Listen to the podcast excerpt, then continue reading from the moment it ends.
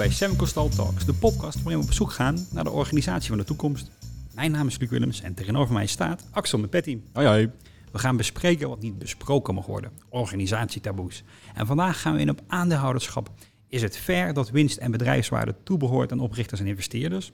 Of moeten we juist streven naar aandeelhouderschap voor iedereen en iedereen de baas? Over deze en andere vragen gaan we in gesprek met Lisa Dimitrova.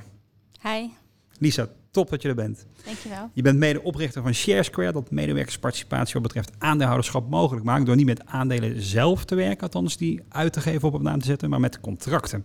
Contracten waarin wordt afgesproken dat tussen werknemer en werkgever wordt gedaan alsof er aandelen in bezit zijn van de werknemer. Wat ik zelf een prachtig eh, juridisch construct vind. In de contracten kun je eigenlijk alles met elkaar afspreken. En als je daar een goede afspraken met elkaar maakt over aandelen, dan ehm, heb je wel eh, de lusten van eh, aandeelhouderschap, maar niet eh, de lasten in termen van administratie en notariële actes. Het is een constructie waarmee ik als co-founder van het Semcostal Instituut ook bekend ben, want ook daar werkten we met de Stock Appreciation Rights, wat de Engelse term is voor deze constructen. Ehm, allereerst, ik ben zelf geen jurist. Vertel ik het zo goed? Je vertelt het uitstekend. Ehm, Is er nog een verdere uitleg? Ja, hoe, hoe, hoe gaat het in zijn werk? heb, heb, heb, heb ik het gras een beetje voor mijn eigen voeten Ja, ja, bedankt. nou, je hebt er in ieder geval heel goed over nagedacht eh, destijds, want eh, je hebt het heel goed verwoord. Ehm, het is wel interessant, jij legt de nadruk erg op het juridische deel. En het klopt ook, want je maakt afspraken met mensen. Hè. Ze krijgen wat voor bepaalde targets of eh, milestones. En dat moet je goed vastleggen. Ehm, en je moet ervoor zorgen dat het enerzijds compleet is en duidelijk, ehm, maar anderzijds ook dat mensen het gewoon begrijpen. Want laten we eerlijk zijn, advocaten zij staan er niet onbekend dat ze hele leuke, korte, bondige, duidelijke contracten maken. En ehm, nou, dat wilden wij met ShareSquare veranderen. Maar naast ehm, een goed contract eh, moet je ook een goed financieel systeem hebben. Want het gaat om geld. Ehm, en je moet daar ook zorgen dat mensen dus begrijpen wat ze in handen hebben. En wat het dus ook voor ze kan betekenen. En wat de individuele incentive is en wat de collectieve incentive is. Maar ik zeg altijd van, kijk, die twee dingen vind ik eigenlijk een soort van hygiënefactoren. Want Ja. uh, je kunt een fantastische uh, regeling hebben, dat, dat juridisch echt correct op, op papier staat. Um, en dat financieel netjes is, maar als je mensen het niet snappen, of ze vinden het niet leuk, of ze vinden het niet fair, Ja. um, ja, dan kan het zelfs averechts werken. En dat is eigenlijk precies de reden dat um, dit ook soms een beetje een taboe wordt voor organisaties, het toepassen van bonussen of aandelen. Want ja, ondernemers zijn gewoon een beetje bang dat het ook een beetje kan doorschieten. Er zijn gewoon heel veel, ja, wat ik zeg, touchy subjects die naar voren komen. Dus je hebt het rationele deel, een beetje het saaie, zeg maar, het hygiënefactor, het financiële juridisch. En dan heb je het HR-aspect. En daar gaat het eigenlijk om. Ja. ja, misschien wel. En ik realiseer me dat ik dat contractaspect zo uitlicht, omdat ik dat zelf in de tijd ook net leerde kennen. Dat, dat, sport, dat speelde zo rond de oprichting van Semcostal Instituut. Dus we hadden sowieso bakken met papieren, ja. akten van oprichting, uh, aandeelhoudersregisters en, en ook deze contracten. Ja. Ik had zelf wel lol in de juridische uh, lingo. Um, uh, dus misschien dat, dat, dat, dat je dat net ook terug hoort in de intro. Uh, maar ik ben het wel met je eens dat het daar eigenlijk niet over moet gaan. Of dat het niet het meest interessante aspect is. Um, maar het is een heel belangrijk aspect. Nou, la, la, la, laten, la, laten we eens beginnen. Uh, want ik, ik hoorde je beschrijven um, uh, wat hygiënefactoren zijn of randvoorwaarden. -huh. um, laten we eens beginnen bij het meest ideale doel. Wat, wat, waarom zou je dit eigenlijk willen? Wat zou je ermee kunnen bereiken? Nou kijk, als aandeelhouder heb je altijd twee incentives vanuit natuur. Hè. Je wilt de organisatie zo waardevol mogelijk maken omdat je je aandelen kunt verkopen. En je wilt het zo winstgevend mogelijk maken omdat je tussentijds eventueel jezelf uh, dividend kunt uitkeren. Ja.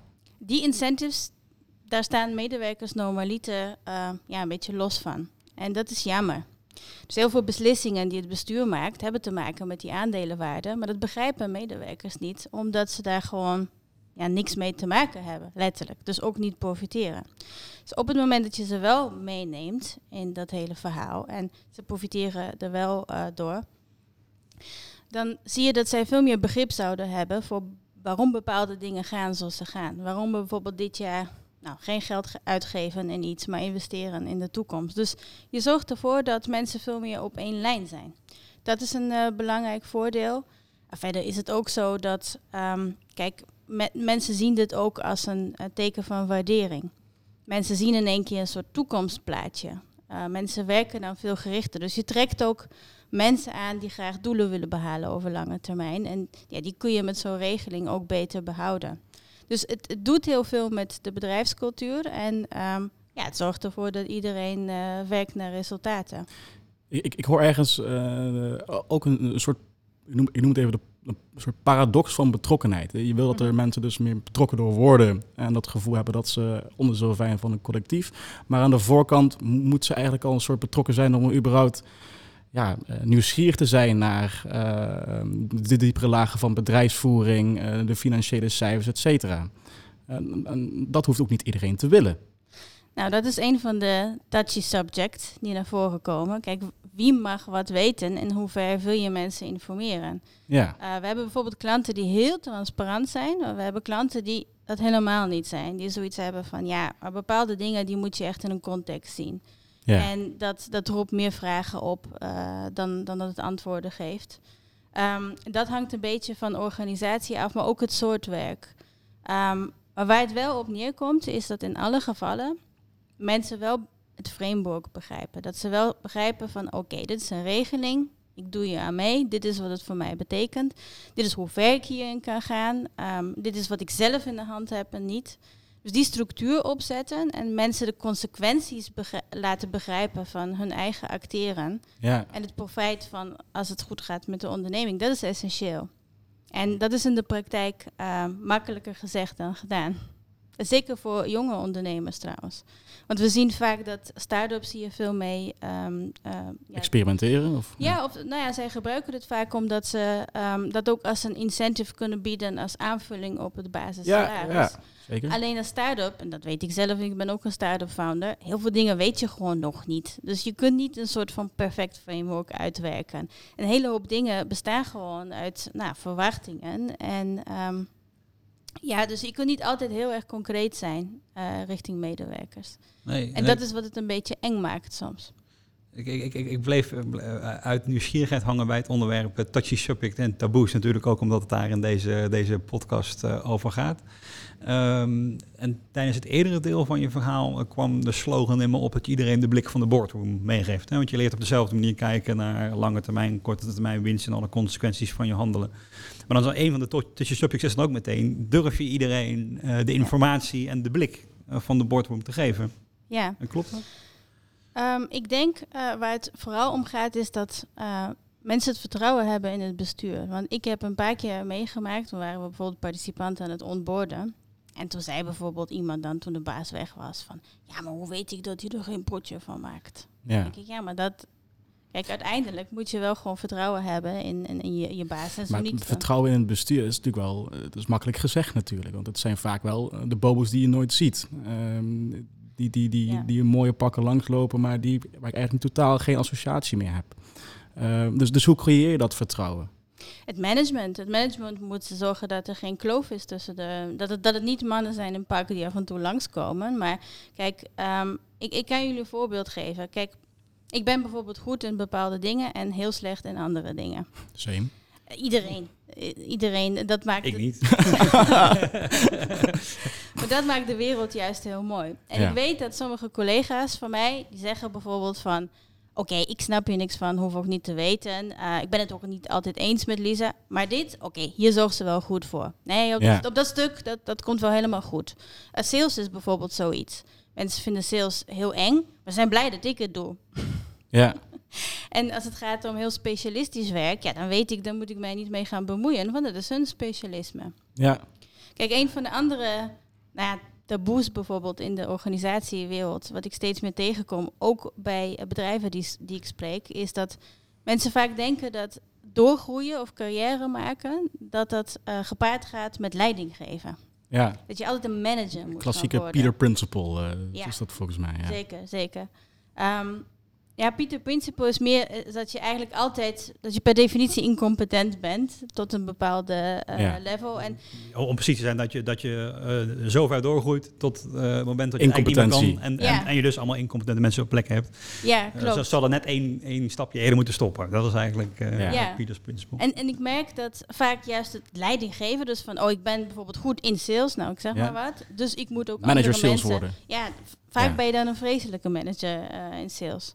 Ja. Of programmeurs. Ik vind het altijd zo zielig voor die programmeurs. Die zijn het meestal keer- geen mensen, mensen. Ja, ja. Ja, dus Eh, goed punt, eh, Axel, over een beetje de kip- en het ei-discussie. Eh. Heb je betrokken medewerkers nodig om ze vervolgens eh, te kunnen eh laderen zeg maar, met, met dit soort regelingen?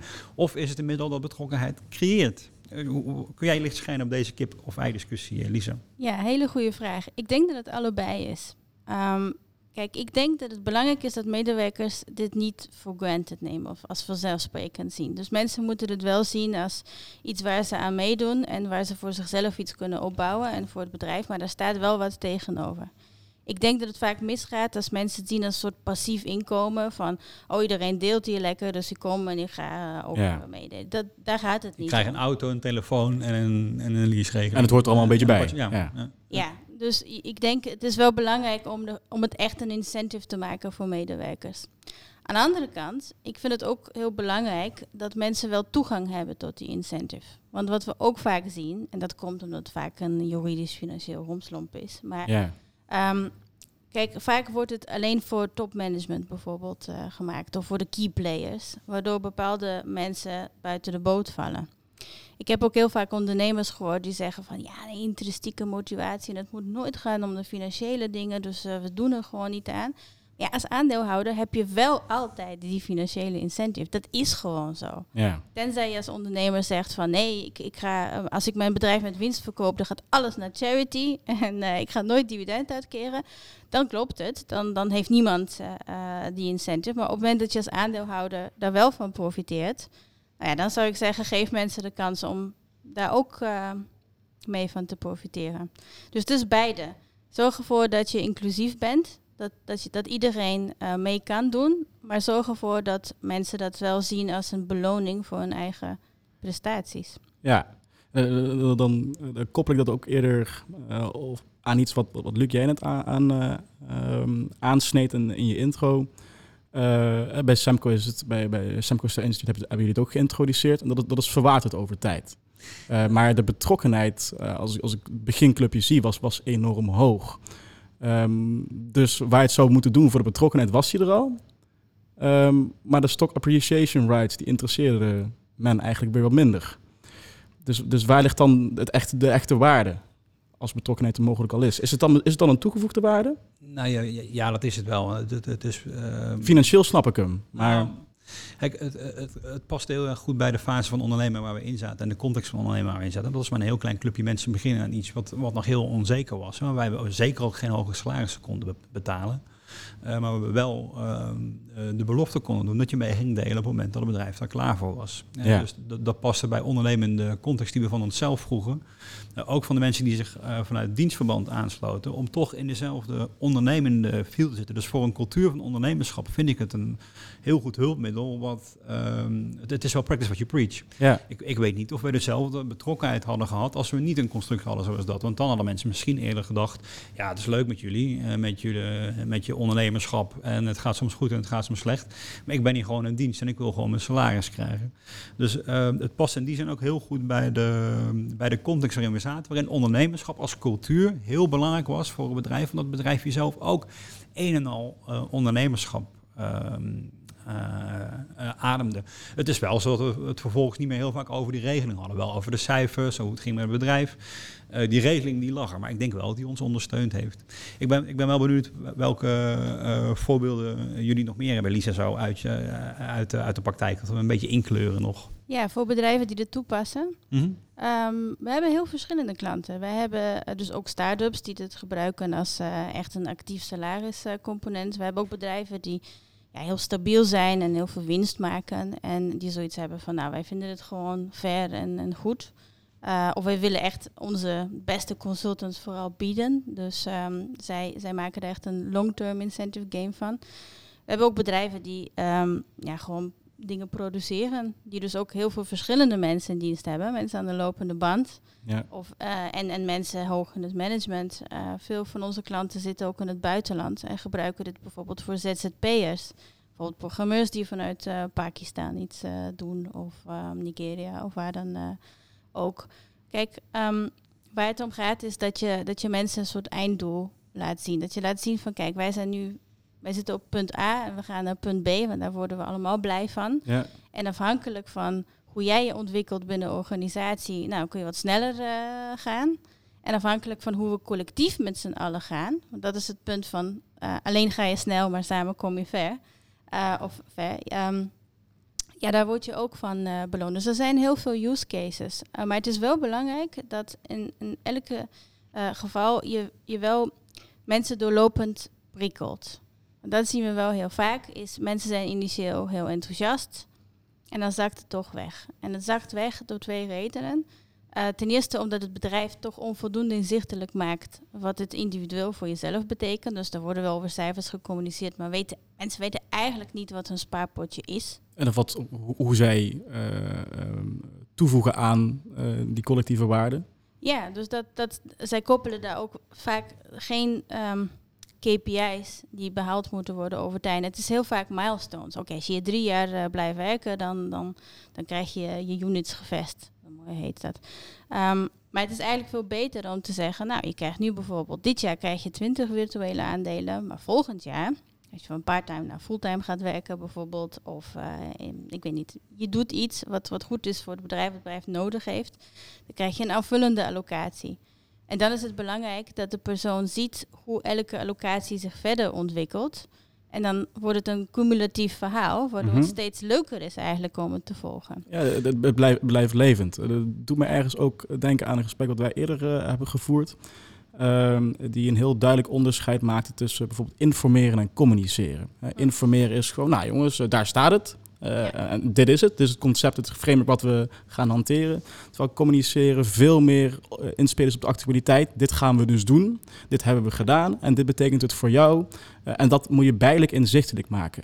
Ja, heel goed punt, Axel. Want eh, bij dit soort regelingen eh, is het vooral eh, informeren, meestal. Precies. Het is echt een super saai contract dat je krijgt. Met een beetje geluk ook een irritante Excel-sheet. En die moet je dan één keer doorkouwen. Ja, ga je niet naar kijken. Ja, als ik eerlijk Ja. ben, als dat wordt neergezet, van ja, ja, fijn dat het is waarschijnlijk voor, me, voor, voor mij als medewerker heel lucratief. Maar het interesseert me dan gewoon niet als het, als het ergens op een raamwerk staat wat, wat, wat niet wordt gedeeld. Of wat wel wordt gedeeld, of dat kan je vinden op schijf A aan die locatie. Ja, dat is erg zonde. Ja, want je hebt iets eh, goeds gedaan voor het personeel en ja, ze hebben daar geen inzage in. Ik heb heel veel mensen gesproken die bijvoorbeeld opties op aandelen hadden, die bijvoorbeeld in Amerika hebben gewerkt een paar jaar. Zeggen, ja, ik heb geen idee wat die opties eh, waard zijn ondertussen. Maar het klinkt dat- lekker. Ja, het klinkt lekker, maar het zal nog lekkerder zijn als je ook ziet wat het is. Ja, dus even, e- even uitzoomend, eh, eh, goed beluisterend wat je zegt. Het- Het idealiter eh, heeft het een persoonlijke component voor je eigen prestaties, maar iets over het collectief.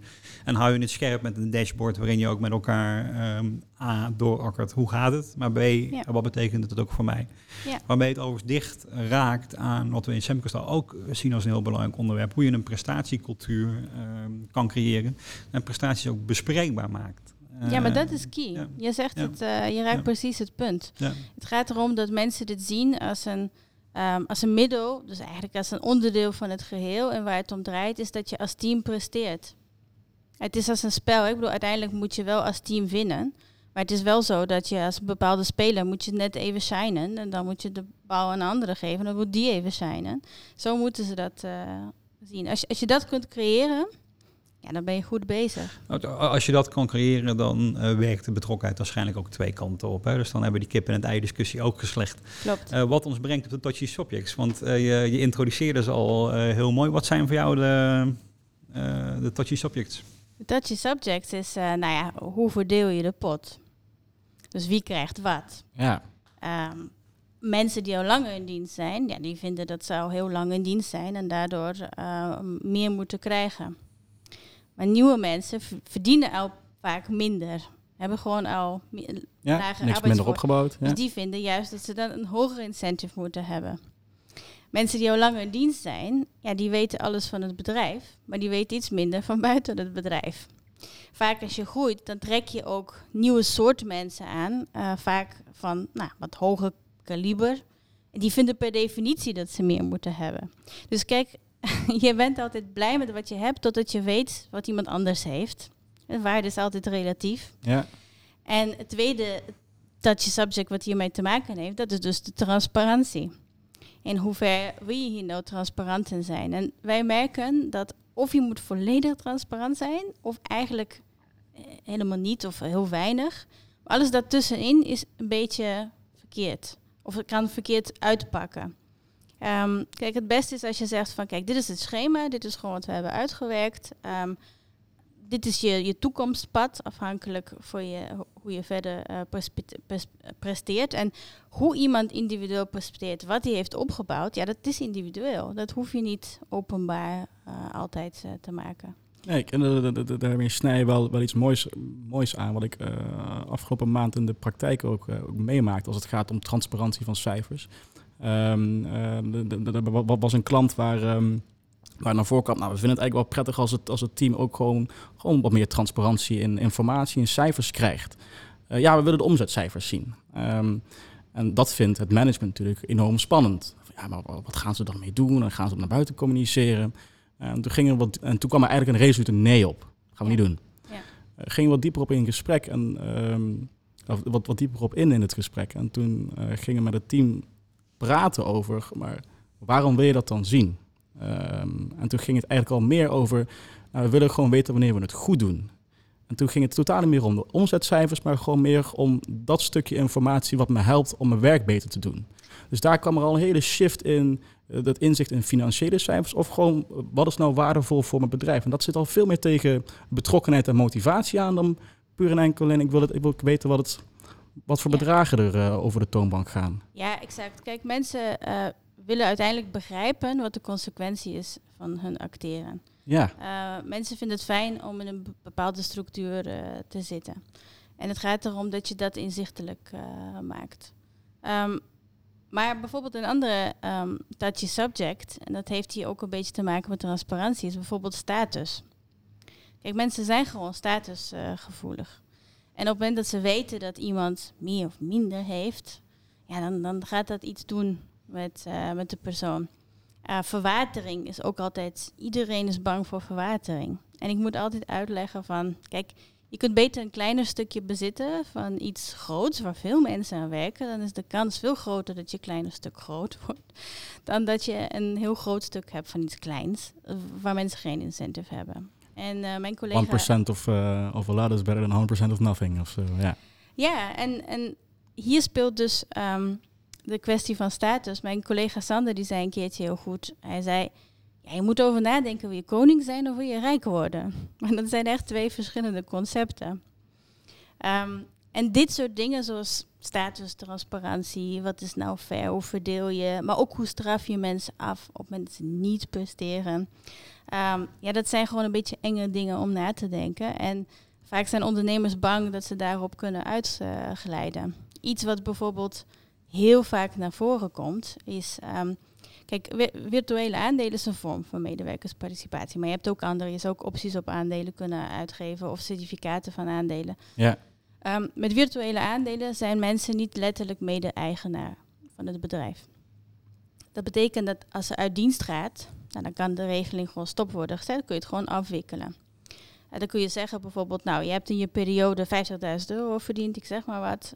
Uh, dit ga je ooit bij een exit krijgen, maar dat gaat verder niet meer in waarde stijgen, want je doet niet meer mee. Met aandelen of met certificaten van aandelen kan dat niet zomaar, want iemand heeft geïnvesteerd. Iemand bezit stukje bedrijf en kan dus in principe ook passief profiteren. Dus als, je, als iemand uit dienst gaat, moet je die persoon uitkopen. Vaak heb je dat geld niet liquide om iemand uit te kopen, zeker als het bedrijf op papier ja. heel erg uh, groeit. Maar wat het vooral doet, is dat de mensen op de werkvloer daardoor eigenlijk een beetje gedemotiveerd raken. Want ze denken bijvoorbeeld, nou, uh, Janneke is net weg. En uh, ik moet nu twee keer zo hard werken, want ik moet ook haar werk overnemen. En zij zit nu op een pizza een beetje te kijken hoe het gaat met die aandelen. Ja, Ja, je word krijgt je heel gewoon- passief van. Af en toe even inloggen op een platform. Ja, hoeveel ben ik ook weer waard? Dus dat is heel jammer. Het, is, het kan soms per ongeluk een beetje averechts werken als je over dit soort dynamieken onder het personeel niet hebt nagedacht. Maar op het moment dat je van tevoren zegt van kijk mensen, zolang je hier, zolang je hier werkt, dan kun je wat verdienen. Ehm, je hebt een incentive om meer muntjes te krijgen, zeg maar. En, ehm, en de waarde van een muntje hoger te laten zijn. Nou, het eerste is een individuele incentive, het tweede is een collectieve incentive. En als je uit dienst gaat, ehm, nou ja, je doet niet meer mee. Dus iemand anders krijgt je muntjes als het ware. Iemand anders gaat die upside eh, krijgen. Dus ja, je voorkomt niet dat mensen naar, naar zichzelf kijken. En dat kan heel positief zijn op het moment dat het echt een ja, winning culture is. En ik ben ervan overtuigd dat je dat helemaal ook in goede banen kunt leiden. Eh, zeker ook als ondernemer kun je dat sturen. Maar ehm, je, kunt, je kunt er ook op uitglijden. En daar zijn veel ondernemers wel een beetje bang voor. Familiebedrijven zijn er vaak ook heel bang voor, merk ik. Van waar?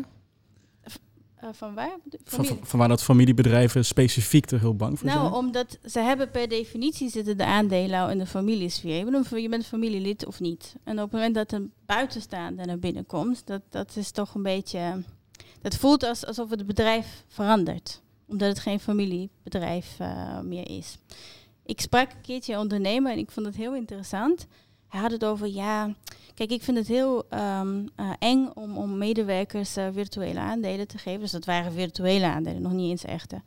En eh, hij zei, ja, want wat nou als ze er nou een potje van maken? Want ik heb zo hard gewerkt en ik wil het niet allemaal down the drain zien gaan. Mhm. Nou, helemaal over gesproken. En na een half uur zegt hij... Ja, want ik wil dit wel aan mijn eh, kinderen achterlaten. En eh, ja, zij moeten met het bedrijf doen wat ze willen. Ik zou het helemaal niet erg vinden als zij het, zeg maar, eh, verpesten. Maar het zijn wel mijn kinderen. Zolang er maar niet iemand anders is. Ja. Ja, dat is ook een beetje... mm, Ja, als je, als, als, als je een vreemde thuis hebt en die maakt iets kapot, dan vind je dat irritant. Vind je het erg? je- ja. ja. En dat Die is vaas, normaal. die vaas. Ja, je kinderen die maken de hele dag dingen Ja, kapot. precies. Dan denk Ja. van, nou, is wel schattig. Ja, maar dat zit, dat zit in de mensheid. Hè? Eh, Ja. Ik heb onlangs bijvoorbeeld heb ik, eh, aan home swap gedaan. Dan ga je eigenlijk in iemand anders huis wonen. Die komt dan bij jou. Eh, Hoe noem je dat? Een home swap. Oh, homeswap. Ja, ja. En, en heel veel mensen zeiden, "Hie, dat je dat durft. Maar wat nou als iemand wat kapot maakt? Zeg, ja, maar dat denkt toch die andere persoon ook. Van als ik bij diegene thuis ben. En so what? Dan gaat het kapot. Ja, er is een keer bij mijn, bij mijn buren ingebroken en ze vonden dan niet, niet naar dat er dingen waren gestolen, maar ze vonden gewoon naar dat er iemand in een huis stond zonder dat zij er waren. Het is meer het gevoel dat iemand anders je huis betreedt dan de fysieke spullen die er staat of zo. Dus dat kan me heel goed voorstellen. Ja. En vaak als ondernemers, echte oprichters, ja, die zien zo'n bedrijf als een kindje. En dan denken ze, ja, ik heb hier toch eh, Ja. hard voor gewerkt. En nu komen mensen een beetje mee profiteren. Dus het is, je moet zorgen dat, dat dit soort ehm, gevoelens niet een soort van de boventoon krijgen. Want dat is gewoon zonde. Ja. Dat is echt eh, zonde. Waar het om gaat is dat je met z'n allen naar resultaten toewerkt. En dat iedereen op een gezonde, verre manier voor zichzelf en voor anderen wat kan opbouwen. Ja. We, hebben- nu ehm, eh, ook vaak vooral eh, vanuit het perspectief van de werkgever, wat je de medewerker kan geven. En ook gewoon meer het, algemene concept. Ehm, eh, je, wil, je wil als werkgever dat je wil ze betrokkenheid geven en een bepaalde verantwoordelijkheid en, groei en mogelijkheden. Dus dat wat de, wat de werkgever geeft. Ehm, verantwoordelijkheid werkt twee kanten op. Wat wil je van de werknemer idealiter zien? Ehm, van de medewerker is het belangrijk dat, dat hij zich bewust is van die regeling. En idealiter dat hij dat eh, ook leuk vindt, dat hij erachter staat. Dan heb je het goed gedaan als manager, denk ik. Ehm, ja, en, en je wilt dat iemand eh, goed begrijpt wat de individuele prestaties eh, zijn en wat de collectieve zijn. Kijk, je wilt dat mensen het zien, even in economische termen gesproken, dat ze het zien als een positive sum game en niet een zero sum game. Dat mensen zien van, hé, hey, als wij met z'n allen nu gewoon... Stel, stel bijvoorbeeld, ik ben een hele goede salespersoon. En ik Mhm. vind het lekker dat ik altijd bovenaan sta. Want dat vinden mensen gewoon leuk vanuit nature. Ja? Dan moet ik wel op een gegeven moment een incentive hebben... om mijn andere collega's ook gewoon te leren waarom ik zo goed ben. Want als zij het beter doen, ja, dan is de waarde van, van mijn eigen pakket natuurlijk ook beter. En dan wil ik nog steeds de beste zijn. Dus een extra prikkel voor mij om dan nieuwe manieren eh, te verzinnen, waardoor ik nog steeds de beste blijf. Maar ik heb er ook baat bij om mensen iets te leren. En die concurrentie, kijk, concurrentie is ook heel goed. Maar het is goed als die concurrentie buiten de deur is, zeg maar. Dus laten we gewoon niet met elkaar vechten, maar laten we gewoon met elkaar winnen en niemand anders bevechten. Ik denk ook dat de wereld veel rustiger zou zijn als we aliens zouden hebben. Echt waar. Want dan, dan hadden we een externe vijand, bedoel je? Ja. ja. Common enemy is altijd fijn, ja.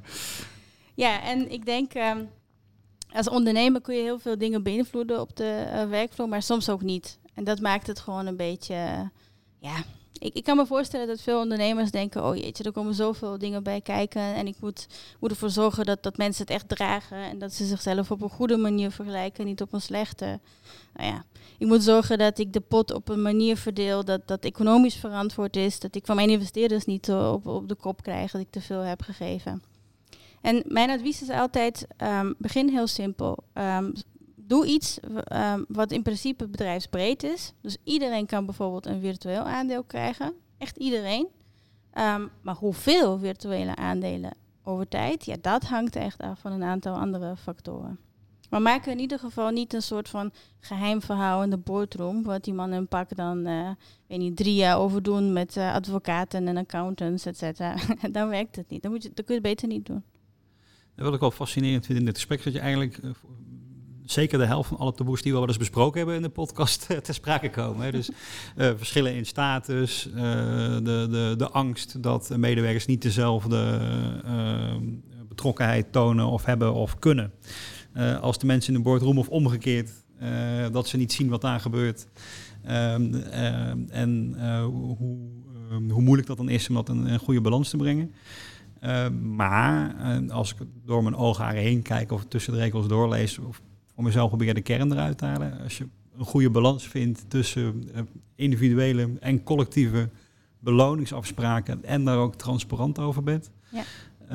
dan bouw je een mechanisme wat heel krachtig is, waarmee veel meer iedereen en samen ondernemend is.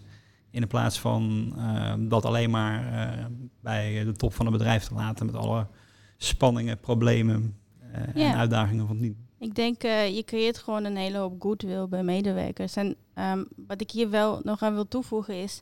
Kijk, het betekent niet dat iedereen meteen ondernemer moet worden. Nee. Ondernemers, dat is echt een profiel. Ja, um, er is een verschil tussen ondernemer zijn en onder, ondernemerschap vertonen. Ja, of in ieder geval uh, waar het om gaat is dat, dat je als bedrijf dat je, dat je wil dat het goed gaat met het bedrijf en dat je daar onderdeel van uh, wil zijn. En uh, ondernemen heeft ook heel veel te maken met hoe je tegen risico aankijkt. Um, ja, veel mensen die, zijn niet bereid om het risico te nemen. Of het thuisfront wil niet dat ze bijvoorbeeld investeren in uh, aandelen. Dat kan, hè? Dat, dat, je moet mensen niet. Daarom vind ik aandelenregelingen in principe heel goed. Uh, maar ik vind het heel jammer dat daardoor juist heel veel mensen buiten de boot vallen. Omdat ze gewoon geen geld hebben om te investeren. Daarom denk ik, ja. doe nou sowieso virtuele aandelen. En daarnaast eventueel ook andere aandelen of een stak of wat dan ook. Ja. Een stak is stichting administratiekantoor ja. overigens. Um, dus ja, dat, dat is denk ik wel belangrijk. Dat er een soort alignment is tussen de mensen. Dat, dat, dat maakt of breekt een organisatie, denk ik. Een hele hoop discussies op de werkvloer hebben gewoon hiermee te maken. Dat er gewoon geen alignment is. En daar kan een participatieregeling uh, niet een wondermiddel voor zijn, maar wel een, uh, een goed middel. Daar ben ik helemaal van overtuigd. Ja, en om de, om, de brug uh, rond te maken, de contracten zijn niet het belangrijkste, maar de cultuur die je ermee kan creëren, die wel. Ja, je doet het omdat je bepaald gedrag bij mensen wil stimuleren. Je doet het niet omdat je een fancy contract wil. Het is, uh, hoe leuk ook, hoe leuk ook. Die opties klinkt wel heel lekker. Ja. Het moet geen uh, accountants- en uh, juristenfeestje zijn. Nee. Het moet vooral een feestje zijn voor het personeel. Begrijpelijk voor mensen. Ja. En daar een individueel en collectieve waarden en doelen terug ja. laten komen. Ja, en ik denk als, als, als voor een leider is het belangrijk om ook te laten zien van kijk, de bepaalde keuzes zijn gewoon gemaakt. Waar het in de praktijk um, trouwens ook vaak misgaat, is dat mensen het als een soort van individuele onderhandeling zien. Ik zou, ik krijg nu een contract en dan moet ik er wat Heel vinden. formeel opeens, terwijl het daarvoor wat informeler kon zijn. Ja, heel formeel, maar ook heel negatief. Want het gaat allemaal om scenario's die er kunnen ge gebeuren. En ja, voordat je het weet, heb je het over allemaal doemscenario's in plaats van het goede scenario's uh, waar je naartoe wil gaan. Dus er zijn gewoon heel veel best practices die je kunt toepassen om het echt gewoon goed te laten landen uh, in de organisatie en het levend uh, te houden. En het is een beetje zonde als, als je als bedrijf die best practices niet toepast. Uh, nee, en ze lijken ook best op, waar we met Semco voor staan. Hè, dat transparantie en in gesprek over prestaties heel veel andere problemen kunnen verminderen. De, afstand die ontstaat tussen top en vloer. Het, het, verschil in betrokkenheid. Dat mensen ervaren, en nog los van de vraag wat zo is. Um, het is erg leuk, Lisa, om met jou dit onderwerp in alle facetten te verkennen. We begonnen bij de contracten, we zijn eindig met cultuur. Alle organisatietaboes zijn volgens mij een revue gepasseerd. Um, ter afsluiting, is er nog um, een tip of advies uh, ter aanvulling op wat je net al zei? Je zei, begin simpel. Uh, kun je daar nog iets over zeggen de afronding? Ja, maak het niet te ingewikkeld. Ik maak wel eens de vergelijking met daten versus trouwen. Um, kijk, het is heel mooi als je een partner ontmoet en je wil daar je leven lang mee zijn. Maar als je iemand ontmoet, dan weet je dat gewoon nog niet. En op het moment dat je al meteen het eerste gesprek al hebt over allemaal nou, dingen in de endgame, zeg maar. Um, ja, A, het is... Het is, wat, wat als we het huis moeten verkopen? Welk huis? het is, het is vaak... maar stel! op date nummer 1 je hele trouwboek op tafel. Ja. A, het is vaak helemaal niet uh, relevant. Ja. Maar B, uh, de lol gaat er ook helemaal vanaf. Um, dus als je, als je zoiets biedt aan je personeel... Zeg gewoon van, kijk, wij hebben gewoon goede intenties met jou. We hopen dat je je gewoon je heel goed ontwikkelt en lang blijft. Dat hopen we hard. En daarom hebben we je alvast over nagedacht. Maar kom er e- binnen, laten we eerst eventjes op date gaan. En ook als werknemer zelf kun je dat ook zo zien. Want jaren geleden bijvoorbeeld, um, ja, waren mensen bang om te worden gezien als jobhopper. Terwijl nu zijn ze bang dat ze worden gezien als van oh, vastgeroest. Ja. En het is zo'n onzin. Ik bedoel, waar het om gaat is dat je gewoon met plezier goed je werk doet. En dit zijn dingen, dat zijn gewoon bijzaken. Dus um, als je als, als ondernemer overweegt om een participatieplan op te stellen, uh, denk even eigenlijk vanuit het HR-aspect eerst. En, en het financiële en juridische, ja, het komt wel goed. Echt. Dat, uh, nou, wij, wij kunnen daar sowieso bij helpen, maar er zijn ook talloze andere partijen uh, die er gespecialiseerd in zijn. Maar het valt of staat bij de cultuur. Eens. Lisa Dimitrova, hartstikke bedankt voor het gesprek. Heel graag gedaan. Jullie ook bedankt.